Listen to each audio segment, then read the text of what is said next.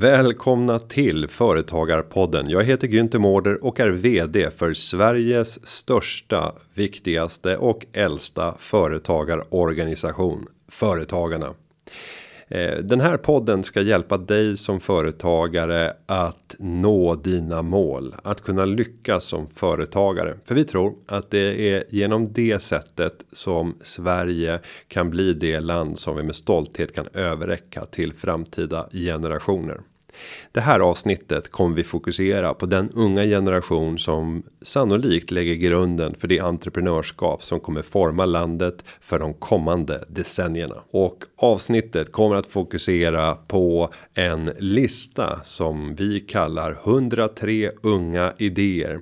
Det är en lista som för femte år i rad publiceras i tidningen Företagaren och där finns inspirerande och nytänkande unga entreprenörer med och presenterar sina företag. Grundarna är max 30 år gamla. Den här listan den tas fram med hjälp av eh, ett samarbete med Almi och företagarnas regionkontor i hela Sverige och vi gör det för att lyfta fram förebilder som kan bidra till utvecklingen, sprida tankar kring mångfald och utveckla vår välfärd. I det här avsnittet så kommer du få träffa två av dem som syns på första sidan av företagarens senaste nummer. De eh, är båda med på listan över 103 unga idéer. Och vår första gäst, det är soloentreprenören som modererar event och driver pilotprojekt som hjälper Greta generationen att skapa sina drömjobb. Hon har blivit utsedd till folkets företagare i Luleå 2019 och hon utbildar inom entreprenörskap, storytelling, kreativitet, träning och hälsa. I grunden så är hon radiojournalist, men hon är också utbildad personlig tränare och gruppinstruktör. Så med det ska ni få lyssna på den intervju som jag har gjort med Malin Winberg. Malin, välkommen till Företagarpodden. Stort tack Günther. Jag vill ju börja med och eh, ställa frågan. Vad var det som fick dig att ta steget att bli egenföretagare? Ja, men jag är ju utbildad journalist i grunden. Eh, och många vet ju vad det innebär att vara journalist idag. Man liksom går från kontrakt till kontrakt, det är löpande, det är liksom svårt att få en fast anställning. Och till slut efter många år, 6-7 år, så fick jag en fast anställning som journalist. Och firade detta stort. Eh, det var bara det att samtidigt som det här hände så hade jag också börjat få men, egna sidouppdrag, bland annat som moderator i näringslivet. Jag jobbade mycket med träning och eh, det var som att det ena ledde till det andra. Och så började jag fundera på, det var min mamma som faktiskt frågade mig så här, men är det verkligen det här du vill göra? Och då var det som att jag bara, nej men tänk om jag kan ta allt det jag gör och styra min egen tid och, och göra allting på mina egna villkor. Så det var verkligen, det var ingenting som var planerat, det var ingenting som var tänkt. Så efter alla år när jag hade slitit för den här fasta anställningen så sa jag upp mig efter bara eh, någon månad. Så mycket för anställningen. Men ja. när du fick höra då från mamma att eh, liksom få frågan, är det verkligen det här du vill? Har mamma någon bakgrund som företagare? Inte mamma, men pappa har ju varit entreprenör och drivit mm. eget. Både med sin, med sin pappa och med sin bror och sådär. Eh, så att det finns ju säkert några entreprenörsgener där ändå. Ja, man säger ju att de där generna är eh, Eh, smittsamma så det räcker och blir över. Entreprenörskap brukar spridas generation efter generation. Eh, ser du hur man skulle kunna se till att den här smittan sprids även i familjer där båda föräldrarna har en tjänstemannabakgrund och kanske har jobbat i offentlig sektor eller liknande. Kan man göra någonting och, och var någonstans i livets olika skeden kan man påverka? Jag börjar osökt tänka på Ung Företagsamhet som ju gör ett jättejobb med att utmana liksom, vad är det vi lär våra barn och unga i skolan? Alltså handlar allting om att bara bli anställningsbar och få bra betyg och hitta ett jobb? Eh, eller kan vi få in ett mer liksom, entreprenöriellt tänk redan i tidig skolålder? Det tror jag kan öppna många dörrar och liksom, om jag hade fått den möjligheten när jag var 17-18 eller började tänka på det sättet, vem vet, då kanske jag hade startat bolag ännu tidigare. Eller så hade jag inte gjort det. Alltså det ja, jag tror att man kan göra väldigt mycket där. Och om vi nu tittar på ditt liv som företagare. Vad är det roligaste och vad är det som är mest utmanande? Hmm, det, där, alltså det allra roligaste det är ju att jag får möjligheten, eller att jag skapar mina egna möjligheter och liksom får utlopp för all kreativitet. Att jag faktiskt kan gå från att ha en idé och sen genomföra den. Ehm, och också så se min egen utveckling, allting som jag lär mig, både upp och nedgång. Det är verkligen så häftig del av den här resan. Och sen, alltså det som är mest utmanande, det kan ju vara allt ifrån typ så här, okej, okay, hur ska jag prissätta den här tjänsten? För jag jobbar mycket med tjänster. Att det kan vara så här, hur tar jag betalt för ett mervärde som jag levererar till kunden som de typ inte fattar att de får fast de får för att jag gör det här. Ehm, men också att här, hitta balans och typ ta hand om mig själv. Det är ju en jätteviktig del när jag är själv. Jag kan ju sitta och jobba hur mycket som helst. Men att då också så här, se vad är bra nog? Um, ja, och, och, så att inte jag springer iväg. Liksom. Och nu jobbar ju du med dig själv, ditt eget varumärke, dina egna leveranser. Hur tänker du långsiktigt för att kunna just eh, få ett liv där man inte är till 100% beroende av sig själv? Och då tänker jag kanske nästa steg. Är du intresserad i det långa loppet av att anställa? Nej, jag tror inte det. Inte i det här. I så fall så jag jobbar ju med andra projekt. Ett projekt som jag jobbar med är en organisation som heter Passionista där jag är ordförande och också ansvarig för kommunikation och press. Och där ser jag eh, som en möjlighet i så fall att få jobba mer som verksamhetsledare eller jobba med ett team. Men att mitt eget AB, det får som vara mitt eget AB med den friheten det innebär. Och sen, alltså, om jag då får större jobb, men kan jag inte bygga liksom, nätverk så att jag får in andra personer som kan komplettera så kan man göra större jobb tillsammans. Um, Ja, så går mina tankar nu, men jag ska inte säga, det står inte skrivet i sten. Jag tenderar ju att ändra mig.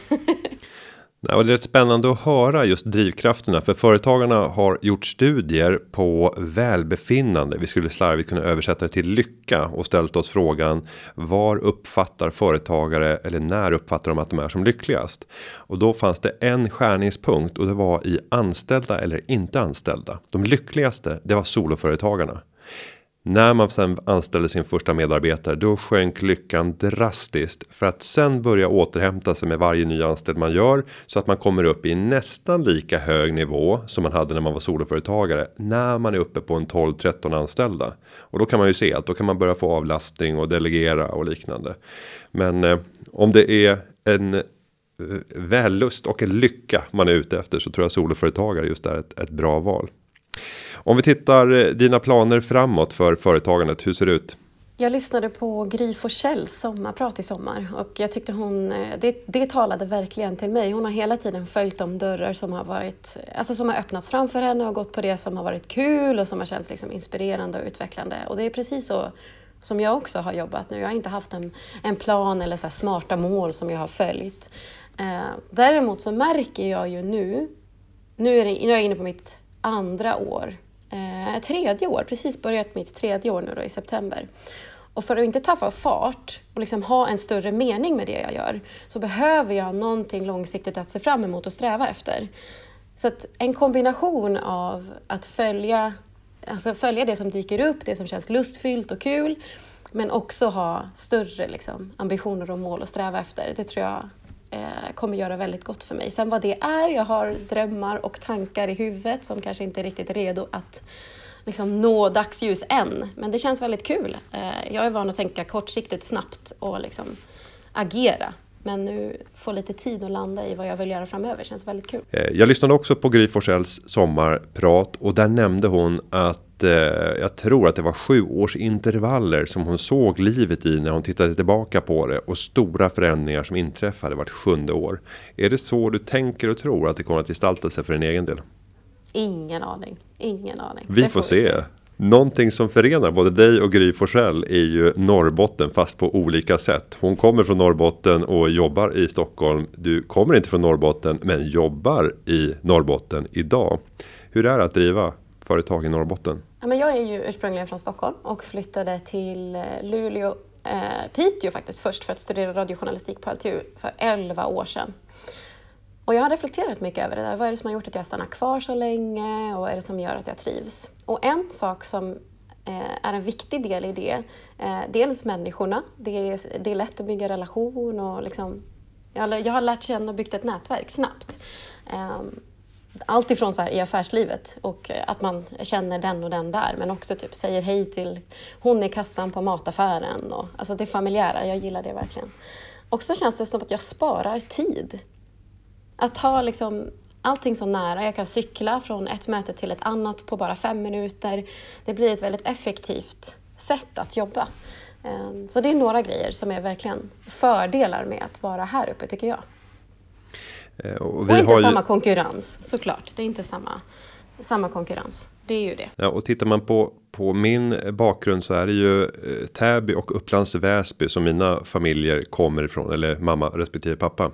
Eh, och det man kan slås av när man befinner sig i stora Stockholmsförorter. Det är att man är väldigt anonym. Jag rör mig ju där jag bor i Sollentuna nu efter att ha bott där faktiskt totalt kanske 30 år så rör jag mig fortfarande de flesta gångerna helt obemärkt. Det är ingen som känner igen mig när jag är ute på en timmes lång promenad. Sen kan jag vara ute i Luleå där jag har etablerat mig med min min sambo och halva tiden särbo och går runt eh, Höträsket vid Bergnäset och plötsligt så träffar man fem personer ute på promenaden varav man känner hälften.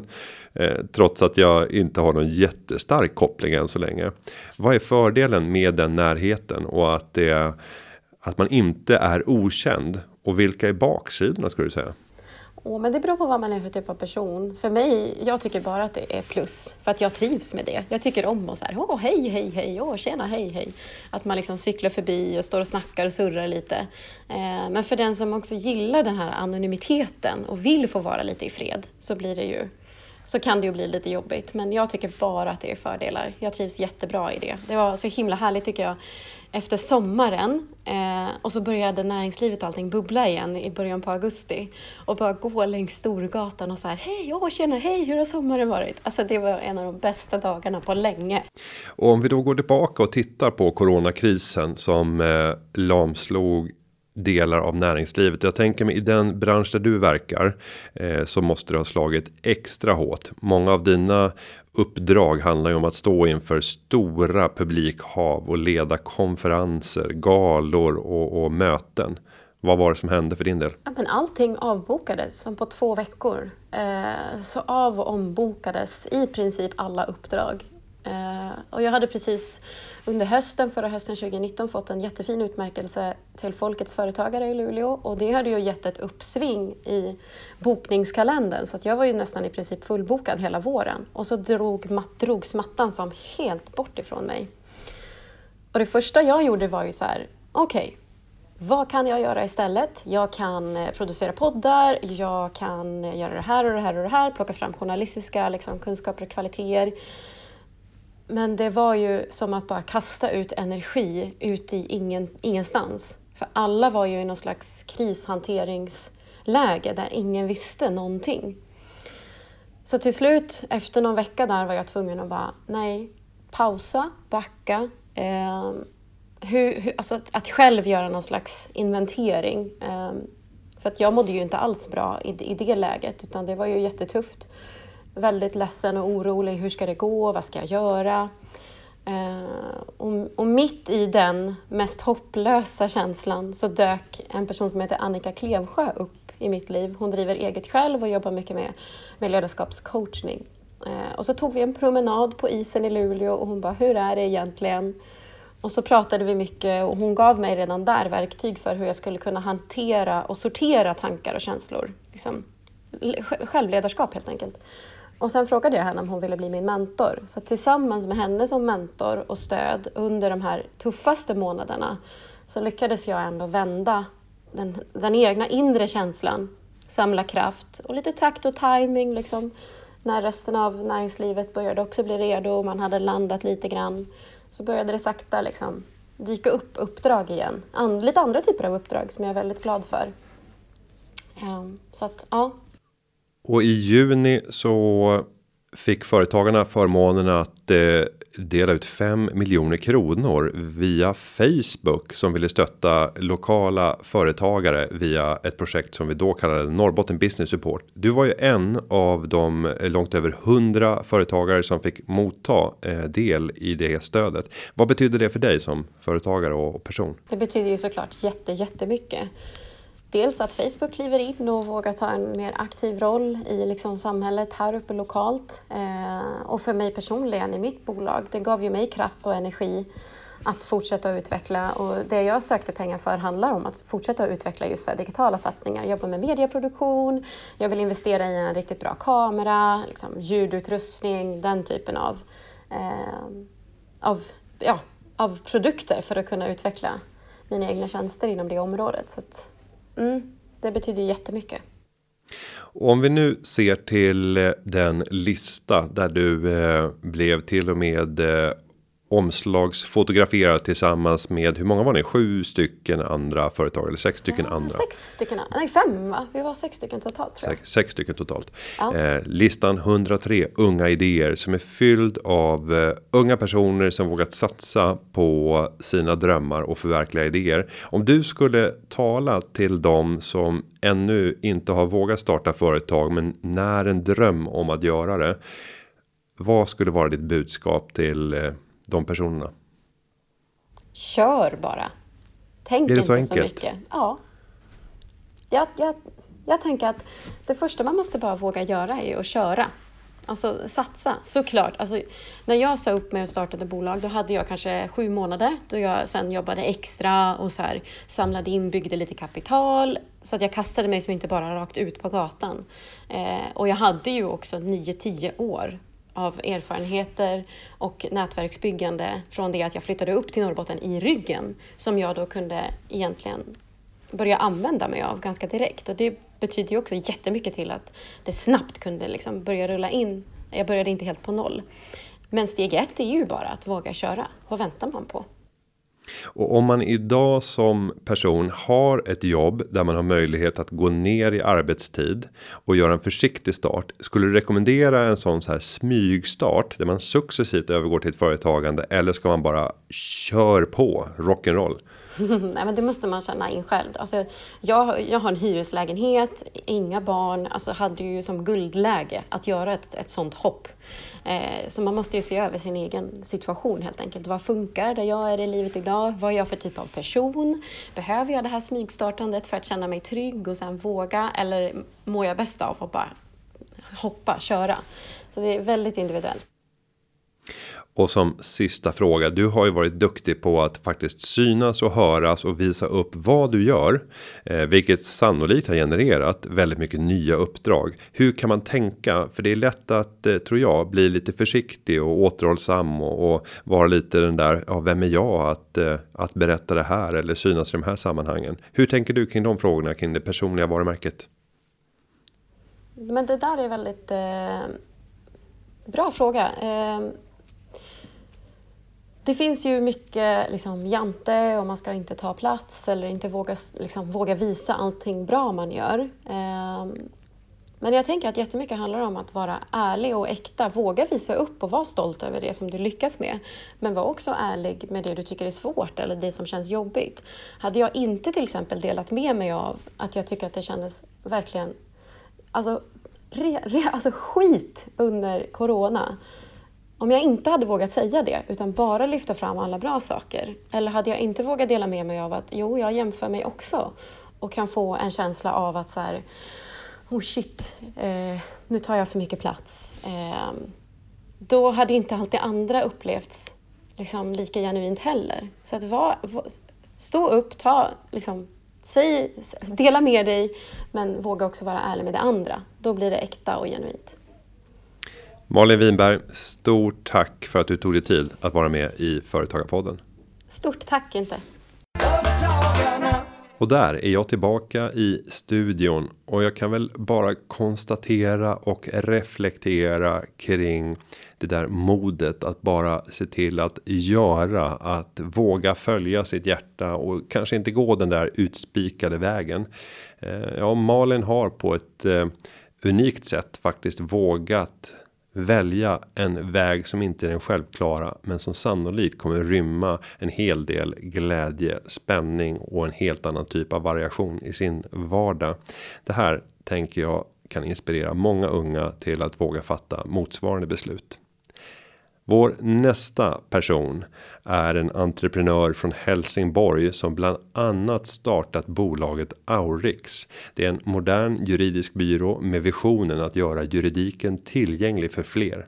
Nyligen så tilldelades han Kompassros stipendiet för juridiskt nytänkande. Jag säger varsågoda. Här kommer intervjun med Oliver Titikic. Välkommen till Företagarpodden Oliver. Tack så mycket, tack. Eh, stort tack för att du vill ta dig tiden att vara med i podden och eh, nu vill jag ju inledningsvis höra vad är det som du och Aurix gör för någonting? Först och främst eh, stort tack att jag får vara med här, en stor ära. Och vad Aurix gör för något? Jo, vår vision är att göra juridiken tillgänglig för alla Eh, Eh, så att juridiken blir en resurs för små företag och privatpersoner och eh, att juridiken inte ska handla om en klassfråga eh, utan juridiken ska vara tillgänglig. Och hur vi gör det är att vi gör den billig först och främst. Men vi har också en annan avdelning där vi föreläser och håller kurser på yrkeshögskolor och utbildar ja, inom arbetsrätt, entreprenadjuridik, affärsjuridik. Jag sitter faktiskt på en yrkeshögskola just nu. Och när du säger billigt så får man ju lätt eh, tanken av att jaha, billiga jurister här? Kommer jag få billiga råd nu och, och som i slutändan kanske blir dyra? Vad är det som gör att ni ändå kan hålla uppe eh, god rådgivning? Dels att vi har erfarna jurister som har jobbat i, i branschen, eh, allt från olika ja, specialområden och eh, ja, de har jobbat eh, tidigare med juridisk rådgivning och har erfarenheter till att vi har nyexaminerade och juriststudenter. Jag tror verkligen på att eh, när vi kan eh, kombinera olikheter, det är då magi skapas. Och hur många anställda har du i dagsläget och hur länge har ni varit igång? Vi är totalt 13 stycken just nu och varit igång eh, i lite mer än ja, två år, två och ett halvt nästan till och med. Det är en snabb resa. Du är ung själv och kom med på listan 103 unga idéer. Att växa så snabbt och att ta in mycket ny personal. Hur rustar man sig själv som ung ledare för det? Det är en bra fråga. Och grejen är så här att det enda, alltså det är svårt att förbereda sig för det utan när möjligheterna kommer så tar man det. Även om man är rädd. Jag brukar säga att rädsla är vår bästa vän och vår värsta fiende. Vår värsta fiende är när rädslan paralyserar en och man agerar inte. Bästa vän är när man, man är rädd, men vi gör det ändå, så att säga. Och eh, jag, jag har varit rädd många gånger och eh, jag har haft svårt att sova och allt sånt där kring olika ja, ärenden man har haft eller att det har varit stressigt. För jag kombinerar juristbyrån med skolan också. Och det är inte lätt utan man måste kriga framåt. Eh, och ofta så hamnar man i eh, de här situationerna där jag aldrig varit i den situationen tidigare och det leder till att eh, ja, man får testa och se. Och att kasta sig in och bli entreprenör inom den juridiska världen. Det är ju inte en självklar resa efter studierna. De flesta går ju ting eller in på en byrå och så är det hundår i fem år innan man tar sig upp till någon mellannivå och sen efter 15 år så är man partner. Vad, vad är det som gjorde att du valde din väg? Ja, det är ju också ytterligare en bra fråga och eh, det började alltså under studietiden då jag inte kom in alltså på det traditionella juristprogrammet utan fick ta en helt annan väg. Och eh, där så är det att jag, jag studerar till eh, att bli affärsjurist, alltså renodlad affärsjurist, så, så jag tar en affärsjuridisk kandidatexamen. Eh, och redan där så märkte jag att även om man tar en annorlunda väg så kan man skapa något bra. Men sen samtidigt under studietiden så blev det så här att eh, frågorna började komma upp. Är det verkligen rättvist? Är juridiken i dagens samhälle alltså rättvis med sina priser? Har alla tillgång till det? Vilka har tillgång till det? Så tänkte jag bara, men tänk så kan man faktiskt göra juridiken till något eh, Eh, icke-främmande och faktiskt något som folk vill ha för att liksom skydda sitt bolag i, i, god tid och strukturera upp det med olika avtal och så vidare och så vidare. Att det inte blir den här rädslan, nej, nej, nej, vi, vi ska undvika juristerna utan mer välkomna in dem i teamet. Så göra juridiken modern helt enkelt.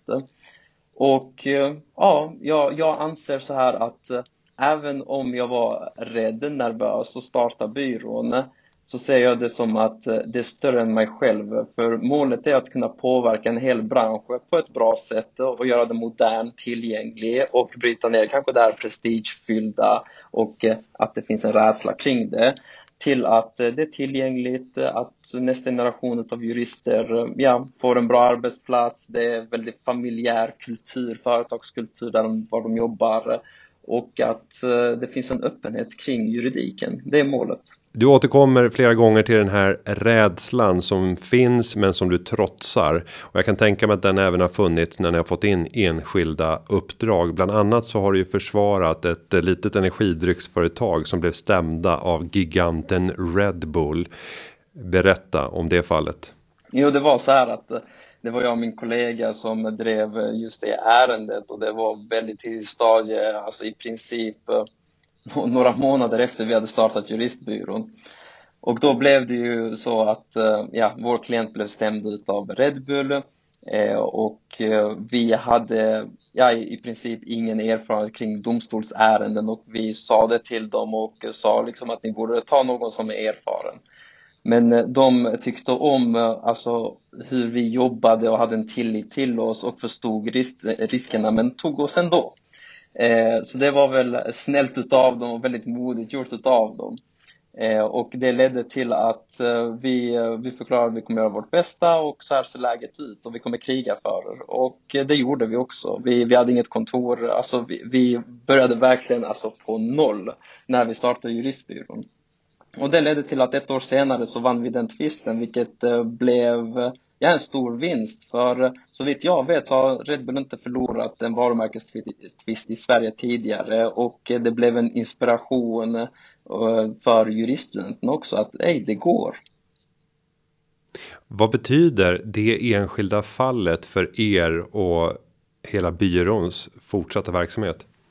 Ja, jag tror att det, det är någonting att vara, vara stolt över. Men jag tror också att eh, vad jag insett lite i efterhand är att det påverkade mer än bara alltså, oss i byrån eller möjligtvis eh, eh juristbranschen i sig och att det påverkade de, de små företagen att säga Ej, det är inte okej okay att de stora går över oss. Det är inte okej okay att de stora liksom, eh, ska få som de vill hela tiden, utan vi har en chans också.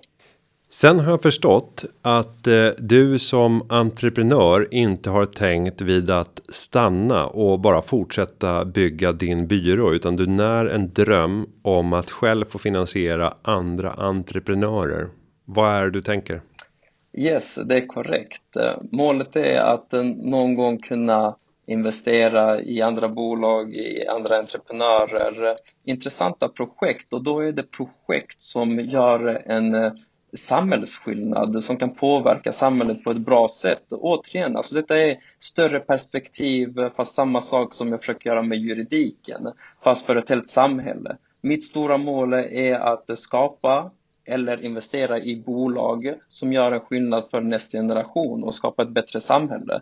Så svar på frågan är att investera i företag som då kan göra samhället till en bättre plats att leva i.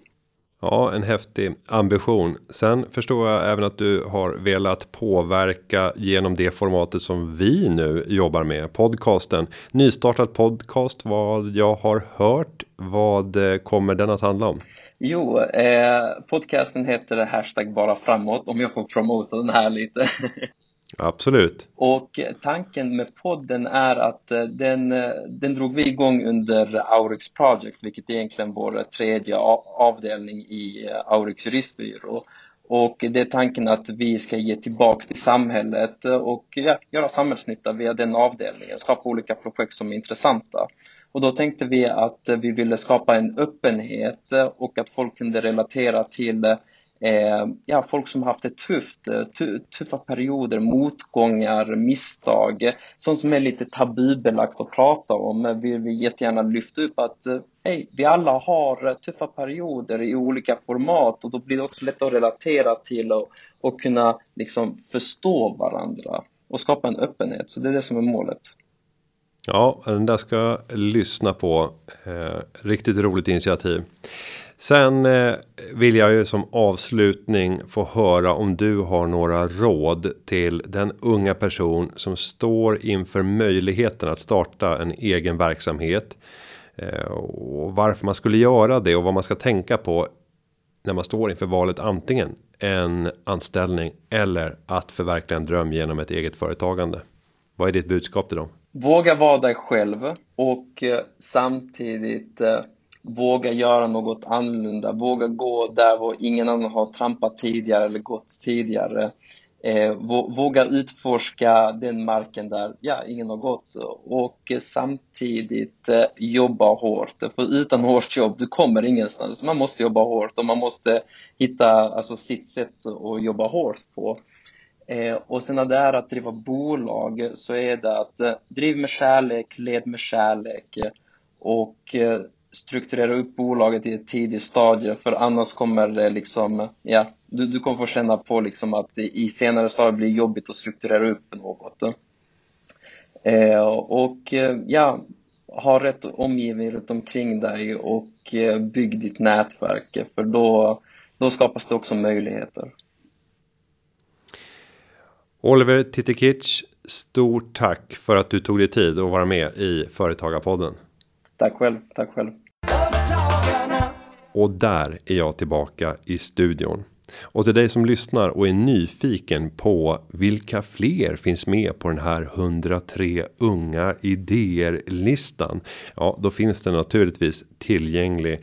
Du kan gå in på www.103ungaidéer.se 103 med siffror. Där kan du se hela listan och inspireras av alla entreprenörer runt om från hela Sverige. Och där finns också längre intervjuer med både Malin och Oliver. Det här är en lista som jag har ett särskilt förhållande till. Jag brukar nämligen titta på de här den här listan och fundera över vilka av de här entreprenörerna kommer längs resans gång att behöva kanske ytterligare en person vid sin sida i form av en första investerare. Så jag brukar ta på mig investerarglasögonen och göra en analys av vilka jag borde ta kontakt med och bara visa att jag finns och är tillgänglig för potentiella investeringar. Det är också ett helt annat sätt att se på en sån här typ av sammanställning. En lista som kan sålla fram intressanta guldkorn som potentiellt kan innebära partnerskap genom delägande. Ja, du väljer själv hur du vill använda listan för dina ändamål. Med det ska jag säga att underlaget för den här podden har förberetts av David Hagen och klippningen den är gjord av Petra Chu.